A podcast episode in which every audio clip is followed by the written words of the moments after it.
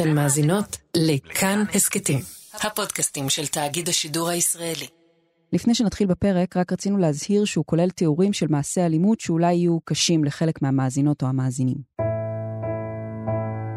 הסיפור של יונתן היילו נגמר בבית העלמין בשיכון ותיקים בנתניה. ביום האחרון של נובמבר הגופה שלו נמצאה בחוף הים. התאבד, טבע, לא ממש יודעים. סוף טרגי לסיפור טרגי לא פחות. סיפור על גבר צעיר שנפגע עוד פעם ועוד פעם, שנסחט, וכשלא מצא שום פתרון, שום מוצא, גם הרג את מי שפגע בו. יונתן נכנס לכלא, וכשיצא הוא רצה להשתקם, לפתוח דף חדש, אבל זה לא עבד. מערכת שלמה לא מצאה את הכוחות להתגייס לעזרתו. אבל יש עוד זווית לסיפור הזה. המערכת אמנם לא עזרה להיילו, אבל הוא, מבלי להתכוון כמובן, עזר לה. עזר לה להשתפר, לראות גוונים של אפור בין השחור ללבן. בזכותו נכנס לחוק סעיף חדש שלא היה שם קודם, סעיף שעזר לעוד כמה אנשים, בעיקר נשים, שהיו במצב שלו. היי, אני מיכל רשף ואתם על עוד יום, הסכת האקטואליה של תאגיד השידור הישראלי. היום נספר לכם על המורשת של יונתן היילו. מורשת שהוא בכלל לא התכוון להשאיר. יונתן חייב את מערכת המשפט לשאול את עצמה האם רצח זה רצח זה רצח, או שיש מקום לנסיבות מיוחדות, להקלה בעונש. נופר משה פרדו, כתבת הרווחה שלנו, תעזור לנו הפעם להסביר את התקדים שיצר הסיפור הזה, ולמה הוא כל כך חשוב. היי נופר. היי מיכל. נופר, את זוכרת מתי נחשפת בפעם הראשונה לסיפור הזה של יונתן היילו? זה היה ב-2012, אני עבדתי כתחקרנית בערוץ 10, האמת שזאת לא הייתה כתבה שאני הייתי אחראית עליה, אבל אני זוכרת שבאיזה יום שבת ביקשו מהבן זוג שלי שמדבר אמהרית לתרגם דברים שאמרה המשפחה של יונתן. הוא הקשיב לדברים ואמר לי שהוא פשוט לא מסוגל, שהסיפור קשה לו מדי, ואני חושבת שאז הבנתי שהמאבק הזה באמת נוגע במקומות מאוד מורכבים וכאלה שלא ממש מטופלים בחברה. אם זה פגיעות מיניות אצל גברים, וגם כמובן השאלה אם כל רצח הוא פשוט רצח, ואיך אנחנו יכולים לתת אה, לגיטימציה למעשה כזה. אז בואי נלך רגע אחורה, איפה הסיפור של יונתן היילו מתחיל? אז הכל בעצם קורה בשכונה שיונתן גדל בה, קריית נורדאו בנתניה. הוא גדל מכיתה ז' אצל אחותו הגדולה מנן, והוא ממש היה כמו הילד שלה.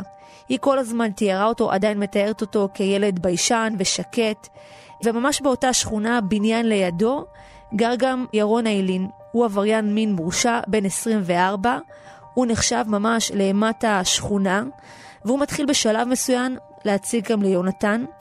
ב-2010 יונתן היה אז בן 22, ההצקות של אה, ירון היו כבר הרבה יותר מהצקות, הוא מתחיל לסחוט אותו. הוא דורש ממנו כסף, לפעמים גם אלף שקלים, מאיים עליו שאם הוא לא יביא לו, הוא ירביץ לו. ואז ב-1 במאי 2010 בעצם מגיע האירוע שבגללו יונתן נכנס לכלא. מה אנחנו יודעות לומר על מה שקרה שם? אז היה בערב ל"ג בעומר, יונתן הגיע עם חבר למרכז מסחרי בקצה השכונה. הם יצאו לשתות באיזו פיצוצייה, ושם הוא גם פוגש שוב את אה, ירון איילין. כמו שגם קרה בשבועות הקודמים, ירון דורש ממנו כסף, הפעם זה 1,200 שקלים, סכום שברור שיונתן לא יכול להביא לו. ירון מאיים עליו שאם הוא לא יביא לו את הכסף, הוא יחטוף מכות. התחלתי לבכות לידו, אמרתי לו מה אתה רוצה ממני, ומה אתה, מה, אתה רוצה וכמה. ואחרי זה הוא הסתכל עליי, הוריד את המכנס שלו, הראה לי את האיבר מין שלו, והסתובב להשתין. בשלב הזה יונתן קופץ עליו, מתחיל לחנוק אותו מאחורה, ובעצם לא מפסיק עד שהאלין מפסיק לנשום. נכנסתי לפאניקה. חשבתי שהוא יהרוג אותי באותו רגע. אחרי זה באתי מאחורה. באתי, חנקתי אותו. זהו. תדגים, תדגים בדיוק. תדגים בלי ללחוץ חזק, ומה עשית לו? מה קרה לו באותו רגע? זהו, נהרג. ככה? בעמידה? כן. כמה זמן אה, חנקת אותו? אה, שבע דקות. אחרי שהוא חונק אותו, הוא גורר את הגופה שלו ומרטש אותה באבן, גם את ראשו, גם את איבר מינו. כשהוא מסיים הוא הולך הביתה, שוטף את הבגדים והולך לישון. אבל הוא לא מספיק לישון יותר מדי. לא עוברות כמה שעות ויונתן כבר מתייצב בתחנת המשטרה. כן, אז הוא מגיע בעצמו ומודה ברצח, הוא מספר לשוטרים בדיוק את מה שקרה באותו הלילה ועל כל ניסיונות הסחיטה. אבל רק בחקירה השלישית שלו הוא מגלה בעצם מה גרם לו לעשות את זה. החוקרים לא מאמינים לו, הם חושבים שזה ניסיון שלו להתחמק מעונש. יונתן מספר לחוקרים ששבועיים לפני שהוא הרג את ירון איילין, ירון אנס אותו. פעמיים, בהפרש של כמה ימים. השוטרים מצידם מבקשים הוכחות ושואלים כל מיני שאלות, כמו למה לא התלוננת, אולי יכולת להגיד לא, אולי יכולת לברוח. יונתן מסביר שבשכונה שלו זו פשוט לא אפשרות, והשוטרים לא ממש מאמינים לו. גם בית המשפט לא, והוא מואשם ברצח. נופר, בשלב הזה התקשורת מסקרת את הסיפור הזה? הסיפור לא ממש סוכר עד 2012, עד אז זה היה סתם תיק של גבר שרצח גבר אחר בשכונה קשה בנתניה. יונתן היה כבר בכלא, ואז הוא מנסה להתאבד. דרך אה, מישהו שיושב איתו בכלא, הוא מגיע לעורך הדין אלון אייזנברג, שבפעם הראשונה מקשיב באמת לסיפור שלו, ומשם מתחיל המאבק.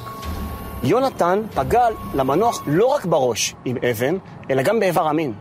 וזה מעיד על כך שהפגיעה עצמה הייתה כנראה על רקע התעללות מינית. המאבק הראשון היה הכרה של בית המשפט ביונתן כקורבן אונס. עורך הדין שלו לוקח את יונתן לפוליגרף. הוא חושף בפני בית המשפט את העבר של ירון איילין, שהורשע באינוס קטינה. הוא גם מראה להם שבעקבות התקיפה המינית של יונתן, הוא מתחיל לקבל התקפי אפילפסיה. אבל אף אחד לא מאמין לגרסה שלו, לא על הפגיעה המינית כמניע לרצח, ובכלל זה לא נתפס כאיזשהו סיפור שמתאים לתקשורת. ואז אריק וייס, כתב מגזין בערוץ 10, מאמין לגרסה הזאת, ועושה כתבה וראיון עם יונתן. בסופו של דבר, בית המשפט מקבל את הטענה לאונס. מקבל, אבל אה, לא מספיק כדי לשנות את התוצאה. יונתן בכל זאת מורשע ברצח, אמנם בנסיבות מקילות, אבל הוא נשלח ל-20 שנה בכלא. אז על הסיפור של יונתן שמעתי, אני מניחה ב-2012. זו ספיר סלוצקר אמרן. והייתי בזמנו בלימודי משפטים, סטודנטית בשנה ראשונה, והייתי צריכה לכתוב עבודת אה, פרו-סמינריון כזו, ניתוח קצר של פסק דין, וכשסיימתי לעשות את הניתוח הזה ולקרוא יותר על הפרשה, אז הבנתי שנעשה פה עוול מאוד מאוד גדול, גם ליונתן, גם לנפגעות ונפגעים של אה, תקיפה מינית. היא פנתה לאלון ושאלה שאלה אחת, איך אפשר לעזור? ובשלב הזה אני מארגנת יחד עם אה, ליטל, חברה שלי, אנחנו... יש לי אפילו את המייל הזה, שולחות אה, מייל לפעילים ממאבקים שונים, חלקם מוכרים יותר, פחות, ואנחנו כותבות להם מייל ואנחנו אומרות להם, אנחנו צריכות אתכם, יש פה משהו שקורה, אף אחד לא הולך להיות בשביל הבחור הזה עכשיו, דווקא בגלל שאף אחד לא עומד לצידו, דווקא בגלל שאין עניין ציבורי, בואו נהפוך את זה לעניין ציבורי. וזה באמת מה שקרה. וכך בעצם מתחיל הקמפיין למען יונתן. זה קורה בהתחלה בעיקר ברשתות החברתיות ובאתר שיחה מקומית, ולאט לאט מגיע גם לתקשורת הממוסדת. היה פה קמפיין מאוד מתוכנן, והדרך שבה עבדנו הייתה להגיד, אה, קודם כל איך אנחנו לוקחים את הבחור הזה, שאף אחד לא שמע על הסיפור שלו, וגורמים לזה שבסוף שבוע לפני הדיון שלו, הסיפור שלו הוא כתבת שער בשבעה ימים. וכל משפחה תשב בקידוש בשישי בארוחה שלה ותדבר עליו ותהיה בעדו. ותבין את הסיפור בצורה יותר מורכבת. ודי מהר הסיפור הזה מתפוצץ. מהר מאוד הזמינו כבר לתוכניות בוקר, לראיונות בתקשורת. ובאמת הייתה גם הכתבה הזו בשבעה ימים, בשפה שלפני, בדיוק כמו שתכננו. אז השלב שבו המאבק תופס תאוצה הוא לקראת הערעור לבית המשפט העליון. אלון אייזנברג, עורך הדין שלו, מגיש עוד ועוד עתירות, ולבסוף במאי 2016 מקבל בית המשפט העליון חלקית את הטענה של יונתן. פסיקה דרמטית בבית המשפט העליון. הופחת עונשו של יונתן היילו מרצח להריגה. התקבלה גרסתו, סוף סוף, שהוא התגונן מול מי שעמד לתקוף אותו מינית כאשר הרג אותו. הנה הדיווח של עופר. ומקצר את העונש שלו ל-12 שנים. סמוך להחלטה של בית המשפט העליון גם מוגשת בקשת חנינה. 65 חברי כנסת חותמים על עצומה לקצר את העונש שלו. מעולם בהיסטוריה של הכנסת לא חתמו כל כך הרבה חברי כנסת לבקשה לשקול חנינה למישהו. מן הסתם, המספר חברי הכנסת אומר שזה חוצה גם את אה, זה חוצה מפלגות, קואליציה, אופוזיציה. שנה לאחר מכן, שרת המשפטים איילת שקד המליצה לנשיא לבחון מחדש את בקשת החנינה, בקשה שבסופו של דבר אושרה, וכך העונש של יונתן קוצר לשמונה שנים ושמונה חודשים. אז באמת הוא יוצא לחופשי בפעם הראשונה ביולי 2018. תודה רבה. ביי. בשירות המבחן שולחים אותו למגורים ברמת אביב. הוא, על פי עדותו, מעוכב שוב ושוב על ידי שוטרים בשכונה. לאחר מכן, הוא נשלח לקיבוץ כברי לניסיון נוסף, גם שם הוא לא הסתדר, הוא נכנס לעימות עם אחד מחברי הקיבוץ. בסופו של דבר, בעקבות ההפרה הזאת של תנאי השחרור שלו, הוא חזר לכלא לשנה נוספת. יונתן משתחרר מהכלא, אבל לא מהעבר שלו. ואת החיים שלו הוא מסיים, כאמור, על חוף הים בנתניה. אני חושב שעדיין לא יודעים, הנסיבות עדיין לא ברורות לגבי המוות שלו.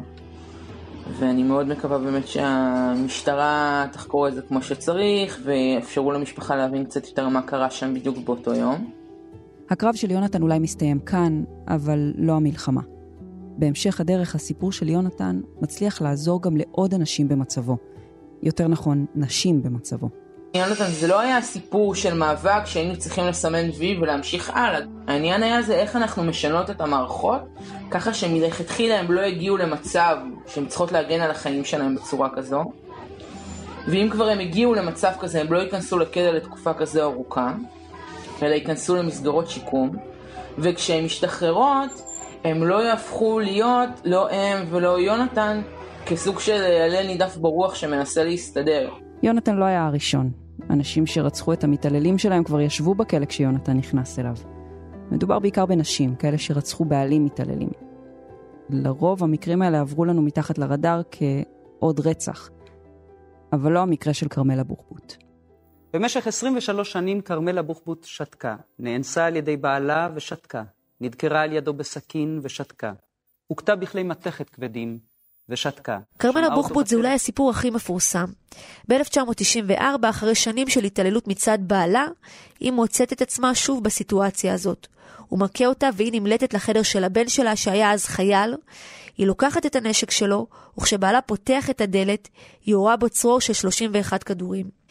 אבל בית המשפט מקבל שמדובר כאן במצב חריג, מאשים אותה בהריגה, והיא נדונה לשבע שנות מאסר. אלא שהיא לא מקבלת את העונש הזה. היא פונה לבית המשפט העליון ומנסה להסביר שהיא הייתה בסכנת חיים. בעליון מקבלים את הטענה שלה והעונש מופחת לשלוש שנות מאסר בלבד.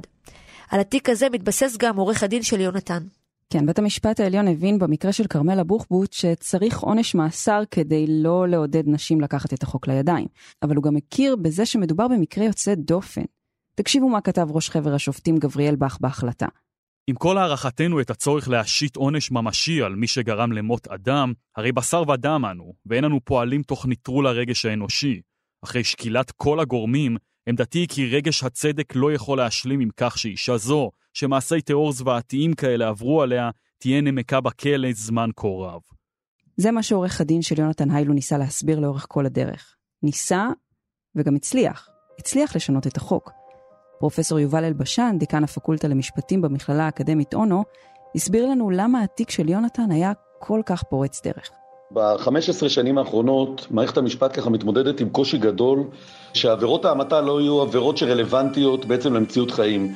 כל ההגדרות של מה זה רצח ומה זו הריגה ומה זה גרם מוות ברשלנות הן הגדרות שהיו מ-1936 עוד משלטון המנדט ואיכשהו יצא שאתה כל הזמן צריך לנוע בין הגדרות שהן לא לגמרי מתאימות, לדחוף למגירות שהן לא בדיוק נסגרות על המקרה שלך כמו שצריך.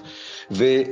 הדוגמה הכי חזקה שהייתה בשנים האחרונות הייתה באמת הדוגמה של יונתן אילו, שהיא הייתה, שזו פרשה באמת שככה הסעירה את הציבור במובן הזה שהייתה תחושה שנעשה פה חוסר צדק, שלקרוא לאדם כזה רוצח זה משהו שהוא לא מתאים.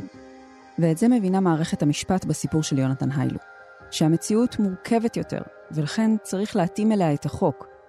ותיקון כזה לחוק שוכב כבר כמה שנים במגירה במשרד המשפטים. כבר עשור יש ועדה שבוחנת ובודקת איך אפשר לשנות את החוק. המסקנות שלה הוגשו כבר בשנת 2011, אבל מאז המסקנות האלה שוכבות פשוט במגירה. ואז מגיע הסיפור של יונתן ונותן לה בדיוק את הדחיפה שהיא צריכה. המאבק של יונתן היה הראשון, הוא מצית מאבקים דומים, ובסופו של דבר מביא לשינוי אמיתי בחוק. בלי יונתן היילו, כל זה לא היה קורה. הפרשה של יונתן אילו הייתה זאת שבעצם הצדיקה את השינוי בחוק לעבר תיקון חוק שנקרא המתה באחריות מופחתת, שהמשמעות היא שכשמתקיימות נסיבות חריגות, למשל כשהנאשם סובל התעללות מהסוג הזה, או סובל אה, מצב גבולי של הפרעה נפשית וכולי, במקרה כזה אפשר יהיה להגדיר אותו כהורג גם אם הוא התכוון, דהיינו, לא לקרוא לו רוצח, לקרוא לו הורג, אבל הדבר חשוב יותר, שאם רצח היה מחייב מאסר עולם לצידו, אז עכשיו ההריגה מאפשרת עד 20 שנות מאסר, והמתה באחריות מופחתת מאפשרת עד 15 שנות מאסר. התיקון הזה בעצם אומר ששופטים לא יהיו מחויבים יותר להגדיר אדם כמו היילו רוצח. וזה משפיע על התיוג לעתיד. לא יוכלו לקרוא לו רוצח, אבל גם לא יהיו חייבים לתת לו מאסר עולם.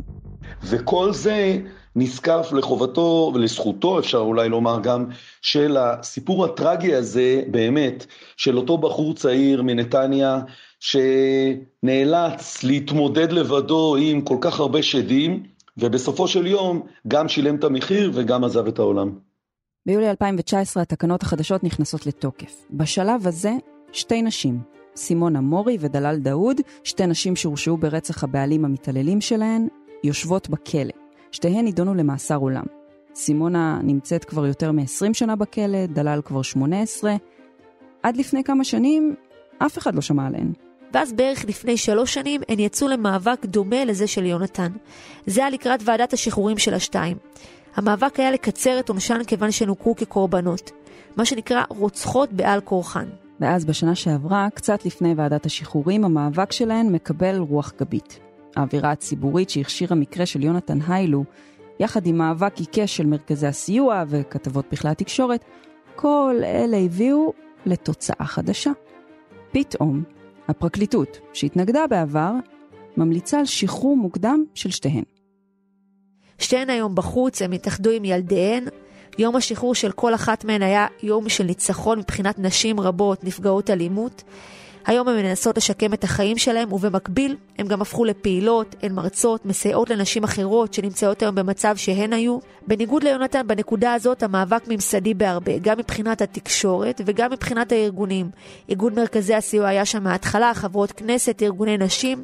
כל זה מראה עד כמה המאבק הצליח ועד כמה הדימוי השתנה. בעיני הציבור לא מדובר ברצח רגיל, אלא ממש בהגנה עצמית.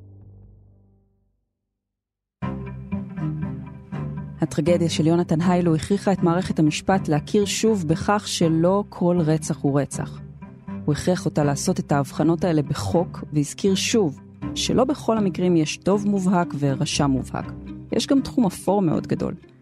ההכרה הזאת עזרה אחר כך לעוד אנשים במצבו, ואולי תוכל לעזור גם בעתיד לאנשים שמצאו את עצמם על הקצה. בלי שום ברירה אחרת, עושים את הנורא מכל. וזו בדיוק המורשת שלו, גם אם הוא לא חשב בחיים שזה מה שהיא תהיה. האזנתם לפרק של עוד יום. את הפרק הזה הפקתי יחד עם נופר משה פרדו. ערכו אותו דניאל אופיר וניר גורלי. עיצוב פסקול רחל רפאלי, על התחקיר הדר רשתי. הטכנאים היו קובי בז'יק ודני רוקין. נאמר תודה גם לספיר סלוצקר עמרן, ליואב זהבי ולפרופסור יובל אלבשן. אם אהבתם את הפרק או יש לכם הערות על מה שאמרנו, אתם מוזמנים ומוזמנות לכתוב בקבוצת הפודקאסטים שלנו כאן הסכתים. תוכלו לכתוב גם בדף של כאן חדשות בפייסבוק, או בחשבון שלי מיכל רשף בפייסבוק או בטוויטר. הסכתים נוספים מבית כאן חדשות תוכלו למצוא באפליקציית הפודקאסטים האהובה עליכם, באתר שלנו וגם בספוטיפיי. אני מיכל רשף, נשתמע.